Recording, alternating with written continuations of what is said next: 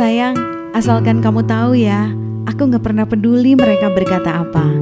Karena aku percaya sama kamu.